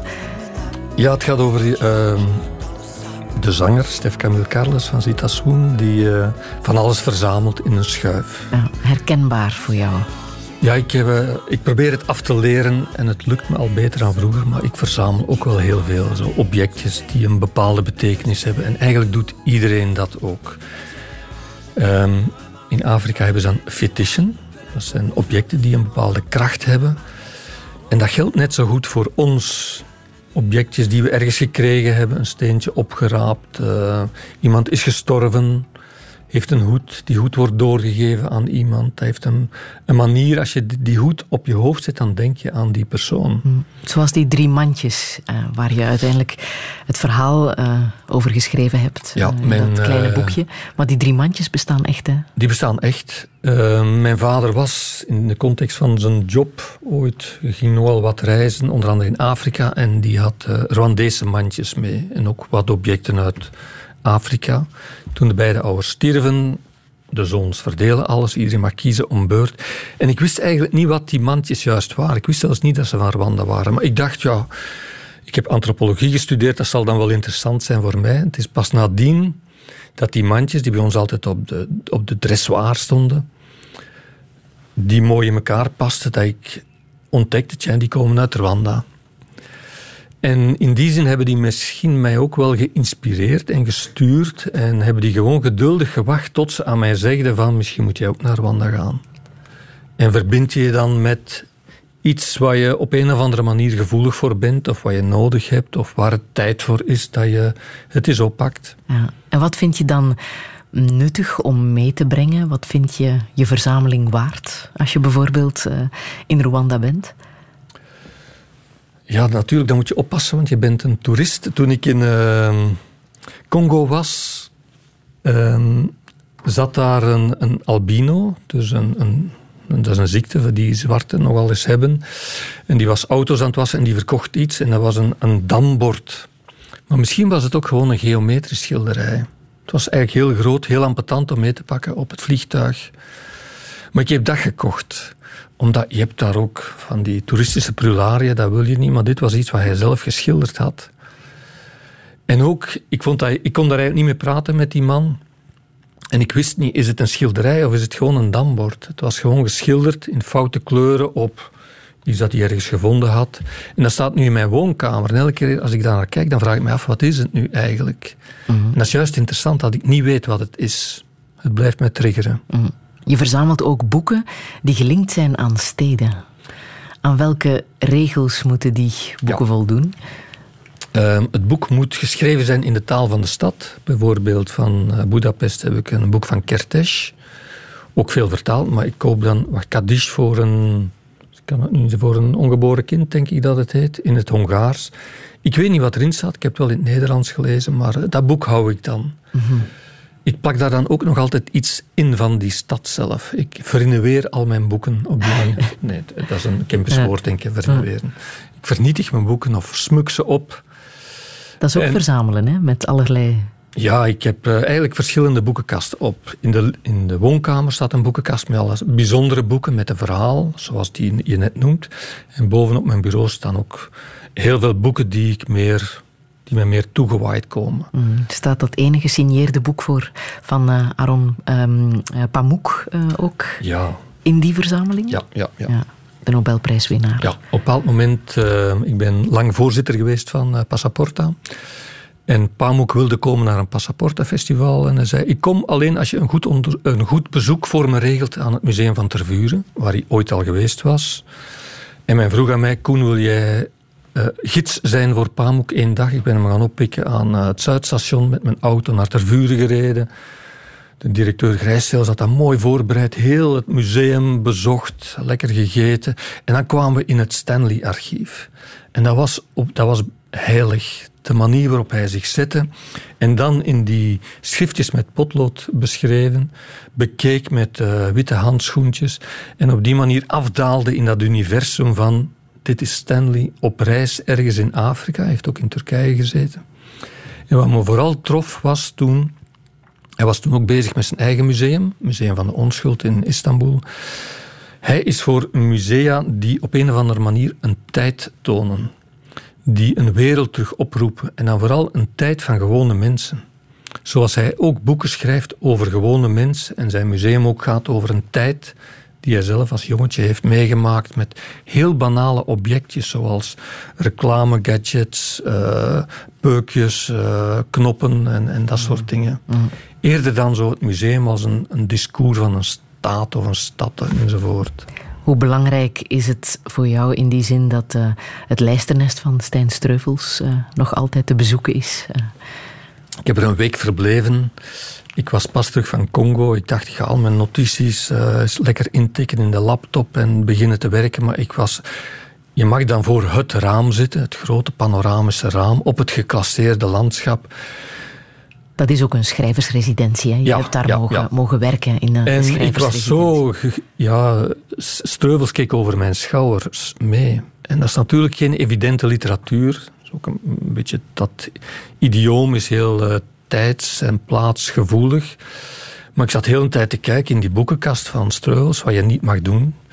Maar ik moest dat toch allemaal weten van in welke wereld leefde deze Streuvels. En ook omdat hij over boeren geschreven had en dat paste me wel. Maar ik heb dan niks gedaan aan mijn Congo-werk. Ik zat de hele tijd maar met Streuvels bezig. Ja. Zodanig dat hij ook in het boek is geland natuurlijk. Ja. En uh, op die manier uh, heb je ook een, een, een, eh, een bijzonder onderzoekje gedaan naar het, naar het leven van Paul van Ostaaien. Hè? Toen je met je vrienden naar Miavois bent getrokken ja. om het sanatorium te bezoeken waar Paul van Ostaaien zijn laatste dagen heeft doorgebracht. Ja. Dat is ook echt Koen Peters, dacht ik toen ik dat las. Ja, maar ook opnieuw, ik doe dat graag met maten. Ehm, Richard Minne had in zijn dagboek geschreven, toen Paul van Ostaaien stierf, wij moeten protesteren tegen de dood van Paul van Ostaaien. Die eigenlijk een beetje verwaarloosd, miskend door iedereen als 32-jarige TBC naar de Ardennen getrokken was, de Naamse Ardennen, om daar in een sanatorium een kuur te ondergaan. De pneumothorax, waarbij lucht wordt ingeblazen, een, uh, een achterhaald procedé. En die verbleef daar een, een half jaar. En hij schreef haast elke dag één of twee brieven naar zijn vrienden waarin hij vertelt hoe er piano werd gespeeld en zelfs tot en met het is de mazurka nummer zoveel van Chopin. Dus je kunt dat heel goed reconstrueren. En samen met uh, goede vrienden van me, Pascal Verbeke, de Wallonië-kenner, Peter Holvoet Hansen, topdichter, en de schilder Koen Broeke, hebben wij die reis opnieuw gemaakt en hebben we dan ook echt overnacht op die plek. En we mochten zelfs na enig aandringen en veel gesprekken van die gepensioneerde boeren, slapen op de kamer waar Van Osnaaien verbleef. Die hebben hun bed afgestaan voor die ene nacht. Dus uh, Peter Holvoet en ik, normaal slaap ik niet met mannen, maar met die dichter was het een plezier om te slapen op de plek waar Van Ostaaien stierf. En wij keken op de beuk die daar buiten stond, die er ook in die tijd stond. Ja, en daar heb jij een stekje van genomen? Dat is zo. Achter in mijn tuin staat die... Ik had er twee, dus er één gestorven. En eentje heeft het gehaald. Eentje heeft het gehaald, ja. ja. En, ik heb die beloofd. een Paul van Ostaaien ja, beuk in beuk, jouw ja, ja. En als je aan mij vraagt, geef mij eens een blaadje van de beuk van Van Ostaaien. Ik kan die in mijn eigen tuin vinden. ik heb die boom wel beloofd aan mijn zoon. Hij krijgt die. Dus binnenkort gaan we die verplanten.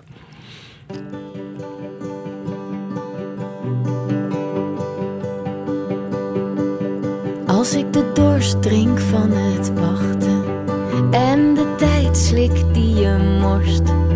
Als ik de lange lege nachten leer begraven in mijn borst. Als ik de honger leer verbijten van jouw veel te verre mond. Als ik de dagen stil zal slijten, die door zwijgen zijn verstomd. Durf jij, durf jij me dan te zeggen dat je komt? Durf jij, durf jij? Als ik door distance naar je toe kruip, op een brandend pad van grind. Als ik door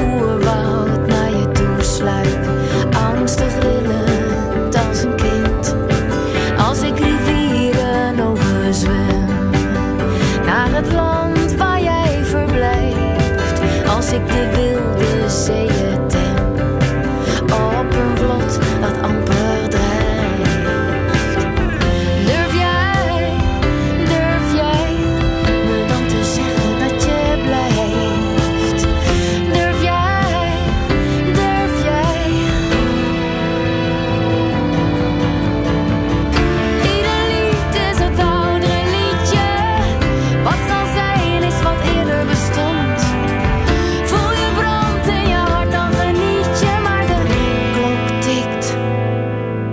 Alles is rond.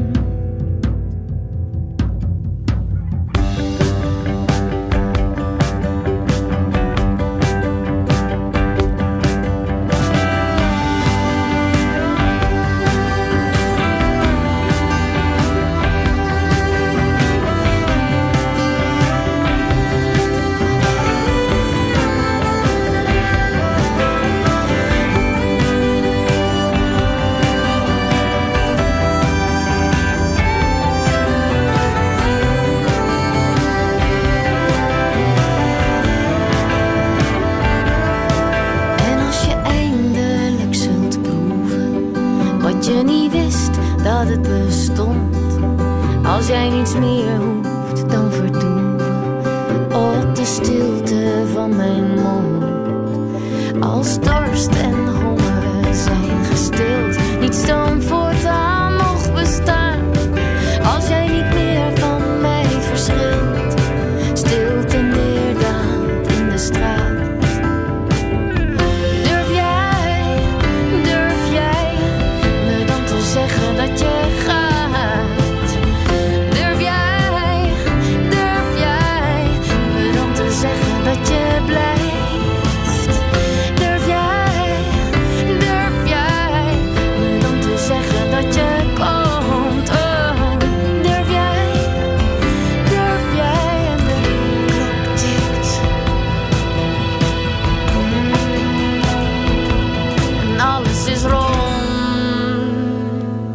Ten Damme met Durf jij? Het is een tekst van eh, Ilja Leonard Pfeiffer, een eh, schrijvende broeder van jou, Koen Peters. Waarom wou je dit laten horen? Ja, omdat de tekst is van, eh, van een Van dichter Ja.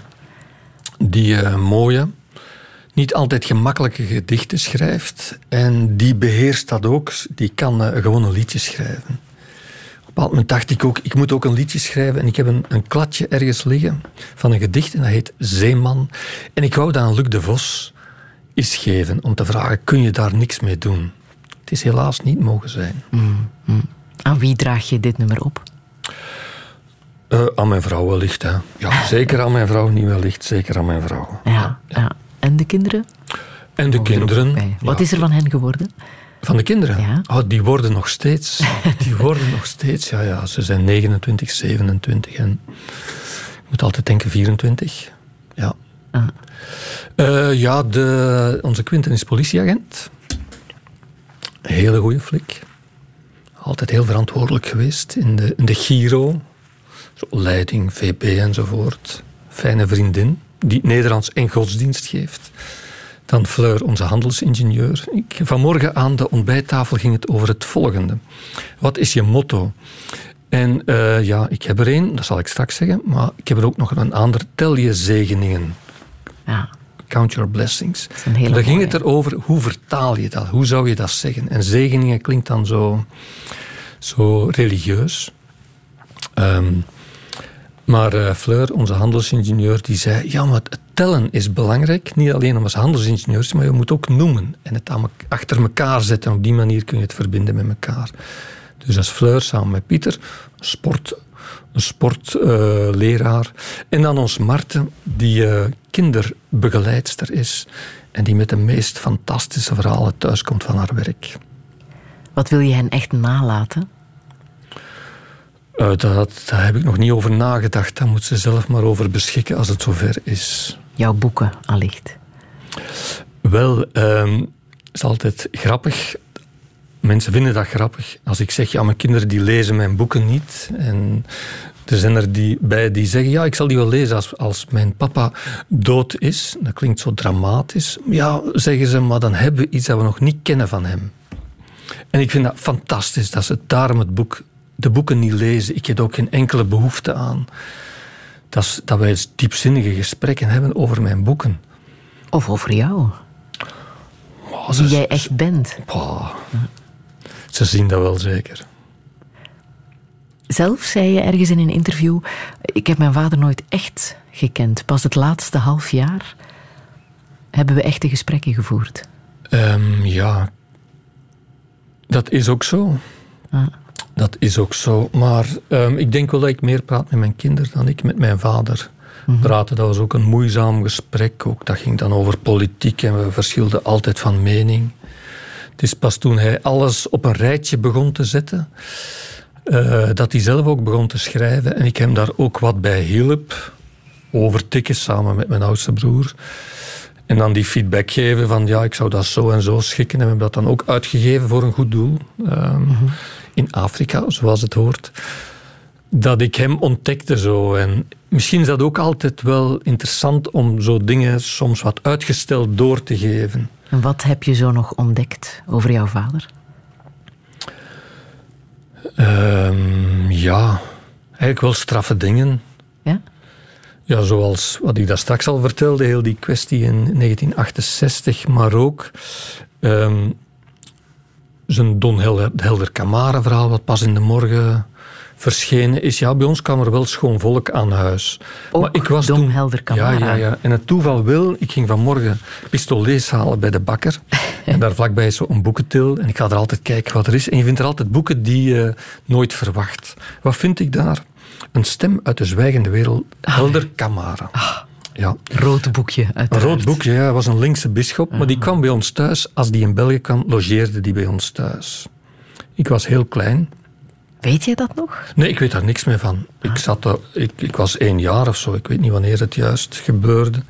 Maar dus jouw vader had contacten met Dom Helder Camara? Door die Mijark reisde hij rond heeft ook met Fidel Castro en zo gesproken. Van dat soort gekke dingen omdat die ook allemaal vanuit die emancipatiebeweging van boeren kwamen. En die waren daar toen wel mee bezig. Nadien is dat uiteengegroeid, het communisme en bevrijdingstheologie. En uh, ja, de CVP is natuurlijk ook een, een, machtspartij.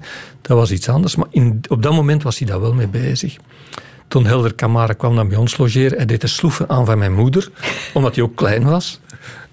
En uh, nam mij op zijn schoot, had een groot gouden kruis aan, want hij was bisschop van Recife.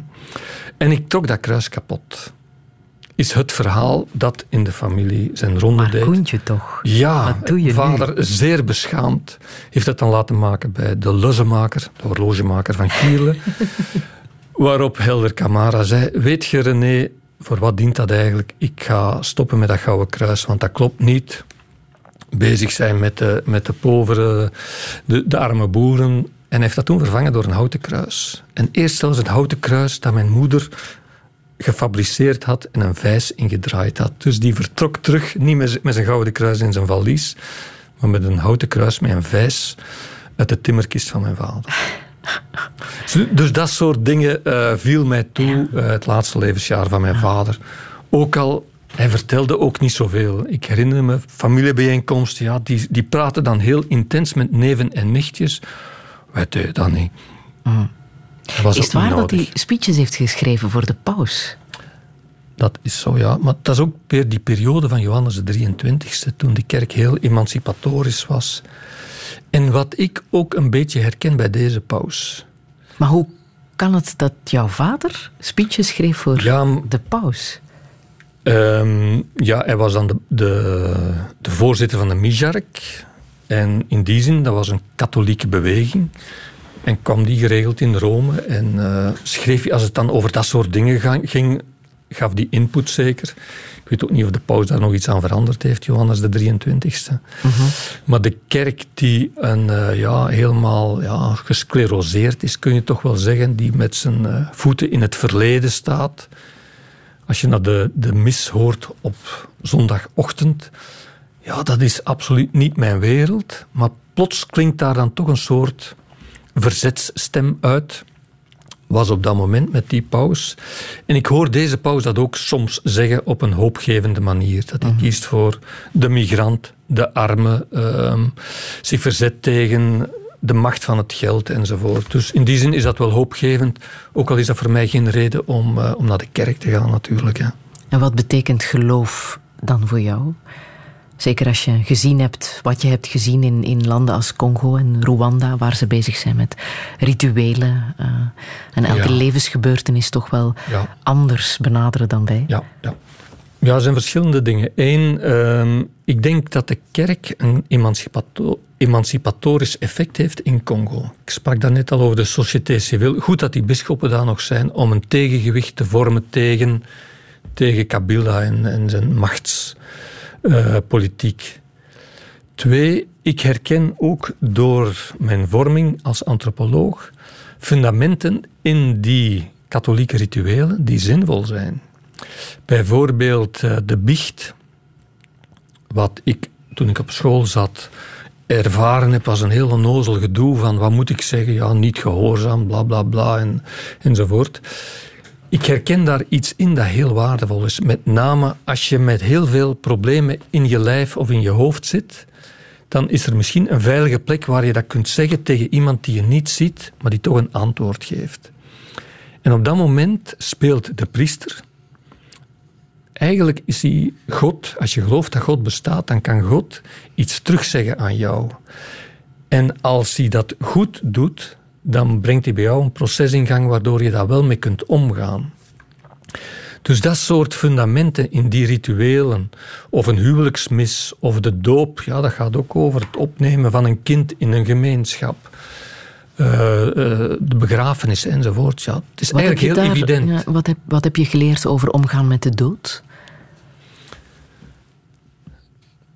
Um, voor mij is het geloof iets zoals filosofie. Er zijn levensvragen die je niet opgelost krijgt als mens, maar het is goed om daar samen met anderen over te praten. En op die manier krijg je dat helder, der.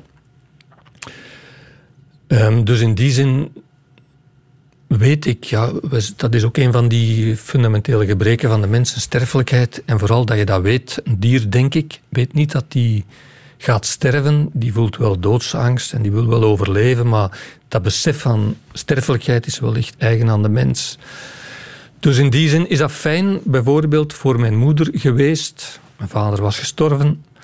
Dat zij dacht, ah, ik ga Fokke terugzien. Zij gaat haar man terugzien. Want zij gelooft dat er een plek is waar uh, die dingen samenkomen. En dat die gemeenschap ook bestaat na de dood. Ik denk dat die gemeenschap niet bestaat na de dood, maar dat die wel tussen de mensen vandaag bestaat. En dat die veel intenser en gevoeliger en buitenzintuigelijker is dan we denken. Mm. We kunnen heel veel delen met elkaar en op die manier beter mens zijn. Nu ben ik aan het preken. Ik excuseer me. Ben je bang voor de dood? Ik denk van niet. Ik denk echt van niet. Ik denk van niet, ja, zeg je. Ja, ja, maar ik... Uh, zo zeker ben je Bij mijn vader was dat ook zo. Op een bepaald moment zag die in van... Dit is de ziekte waar ik aan ga sterven. En dat was voor hem een verlossing. Het was trouwens ook een dokter buiten de directe omgeving die hem dat vertelde. Hij zei, René, ik weet, niet waaraan dat, ik, ik, weet waaraan dat je gaat sterven, ik weet niet wanneer. En dat was een soort verlossing van, ah ja, oké, het is zover, het is goed geweest. Maar dan springt op een of andere manier ook nog wel de doodsangst. Dat heeft wellicht met het lichaam te maken op. Maar als je daar filosofisch mee in het reinen bent, het is goed. Ik heb goed geleefd, de kinderen stellen het wel. Uh, dan creëert dat toch wel een rust, denk ik. Ik heb goede boeken geschreven. Wat gebeurt er echt als je sterft? Um, als alles goed gaat, dan wordt er af en toe nog aan jou gedacht. En hebben mensen objectjes vast waarvan ze zeggen: ah, kijk, dat was hem nu. Of, ah, wel, dat was typisch zij. Of je hoort een stem. De meeste mensen wiens ouders gestorven zijn, denken dagelijks aan de overleden. Dat is mooi. Of je kijkt in de spiegel en je zegt: tja, ik begin er steeds meer op te lijken. Wat denken de Jakka over de dood? Wat gebeurt er volgens hen echt als daar iemand sterft? Um, heel gedetailleerd kan ik het niet zeggen, want zo goed ken ik hen dan ook niet. Dat zou je aan Renate Vis moeten vragen. Maar zij zien zichzelf wel veel meer in die lijn van... Ik heb een vader en ik heb een grootvader. En daarachter heb je de voorvader die haast goddelijke allures krijgen. Die zien veel meer dat zinvolle van... Uh, je bent wie je bent en je definieert je geluk ook idealitair in termen van ik, ik doe wat mijn ouders mij hebben geleerd. Of... En je komt misschien ook terug. Ja. Ik denk dat ik. Uh, wacht, dat is natuurlijk zo die klassieke reïncarnatie. Dat is allemaal zo letterlijk. En, uh... Via een daimon-opdracht. Ja, wacht, je, overleeft natuurlijk wel ook in een boek. Hè, als je een boek geschreven hebt. Maar het kan net zo goed ook in een objectje zijn. Bijvoorbeeld klassiekjes, trouwringen die doorgegeven worden, die je erft van je ouders. Ja, dan, eh, dan weet je wel je plaats in de genealogie, in de stamboom. En dat creëert ook wel heel veel zin als je je plek weet in die, in die lijn. Wat bij hen veel sterker is dan bij ons. En wat voor ons dan weer heel inspirerend kan zijn. Want ik, ik doe, of ik leef in de geest van mijn ouders en voorouders. In hele brede betekenis van het woord. Je bent 58, hè? Zo is dat. Ja. Wat zou je echt nog willen in het leven? Uh, nog een aantal mooie boeken schrijven. Nog een aantal fijne reizen maken uh, met mijn vrouw en de kinderen. Uh, nog een beetje helpen aan het huis van de kinderen. Mhm. Ook al ken ik daar niks van, maar ik voer gehoorzaam uit. En de Oostendenaar doorgronden? Ah ja, ja, absoluut. Daar ben je mee bezig, hè? Ja, ja, dat is mijn volgende project. Ik ga sinds anderhalf jaar elke maand twee dagen naar Oostende samen met Koen Broeken, schilder. En wij gaan daar spreken met Oostendenaars. En uh, wij zijn aanhangers van het perspectivisme, namelijk door de ogen van iemand kijken we naar iets. Bijvoorbeeld, uh, er is een hele mooie foto van Permeke die op een zondag in de zon samen met zijn vriend op het gras ligt. En een mooi detail is, ze hebben een kussen onder hun hoofd. En ik heb dan zo'n beeld van, ze hebben lekker gegeten, wat gedronken, ze halen een kussen binnen en ze gaan op het gras liggen, twee vrienden. Samen met Koen Broeke zijn we naar het Permekenhuis gegaan en we hebben een uitleg gekregen van Guinevere Klaes, de standaard, samen met haar mama, die daar heel lang dat huis bewaakt heeft, samen met de tante die dat nu doet. En met die drie vrouwen hebben we gekeken naar Permeken en vooral na zijn laatste periode. Namelijk toen had altijd boeren en vissers geschilderd met van die klompen van handen en op het einde van zijn leven schilderde hij mooie naakte vrouwen. En dat wilden wij onderzoeken, Koen Broeke en ik, door daar ook naartoe te gaan met twee kussens en daar op het gras te gaan liggen. Dus dat soort reenactments, terug in de geschiedenis treden door iets terug op te vissen, dat zijn wij nu systematisch bezig om dan een tentoonstelling, een boek enzovoort uh, te maken. Welke boodschap wil je hier nog meegeven tot slot? Die tel je zegeningen heb ik al gezegd. Mijn, mijn persoonlijk motto is, dat is een beetje egoïstisch natuurlijk, maar je kunt het ook breder zien, nulla dies sine linea. Geen enkele dag zonder een lijn. Telt voor een schrijver, geldt voor Streuvels, Zola had het ook, nogal wat mensen, Starter gebruikte het ook. Je moet elke dag iets doen dat je, in mijn geval schrijven, maar uh, Streuvels en Paul Klee gebruikten het ook. Je moet elke dag iets doen dat op een of andere manier bijbouwt aan uh, wie je denkt dat je moet zijn. Zullen we nog Skinny Love laten horen? Bon Iver. Ja, ja.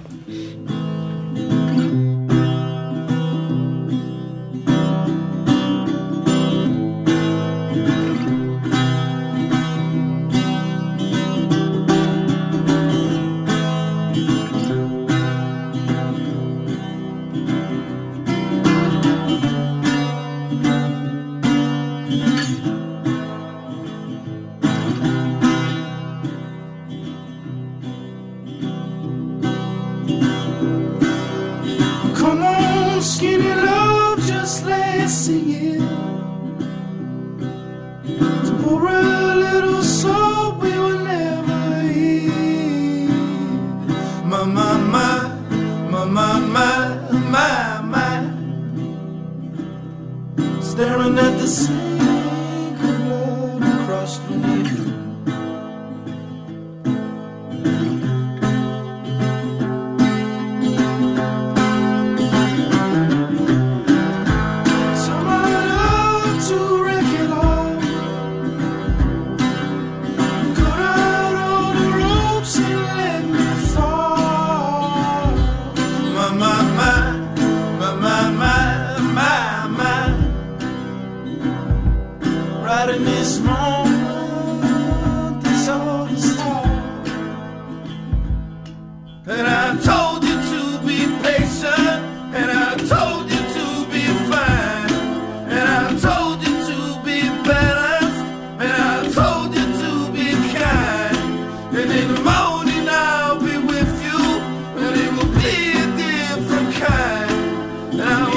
Skinny Love van uh, Bon Iver. Dankjewel Koen Peters voor uh, dit fijne gesprek. Alle info zetten we zo meteen op onze website radio1.be. En volgende zondag verwacht ik hier filosoof Maarten Boudry. Uh, zometeen is er ook Grand Cru en Sportza. En dat boekje, de drie mandjes uit Rwanda, geven we dus aan de luisteraars. Touché at radio1.be. Herbeluister Touché via de podcast Radio Plus en radio1.be.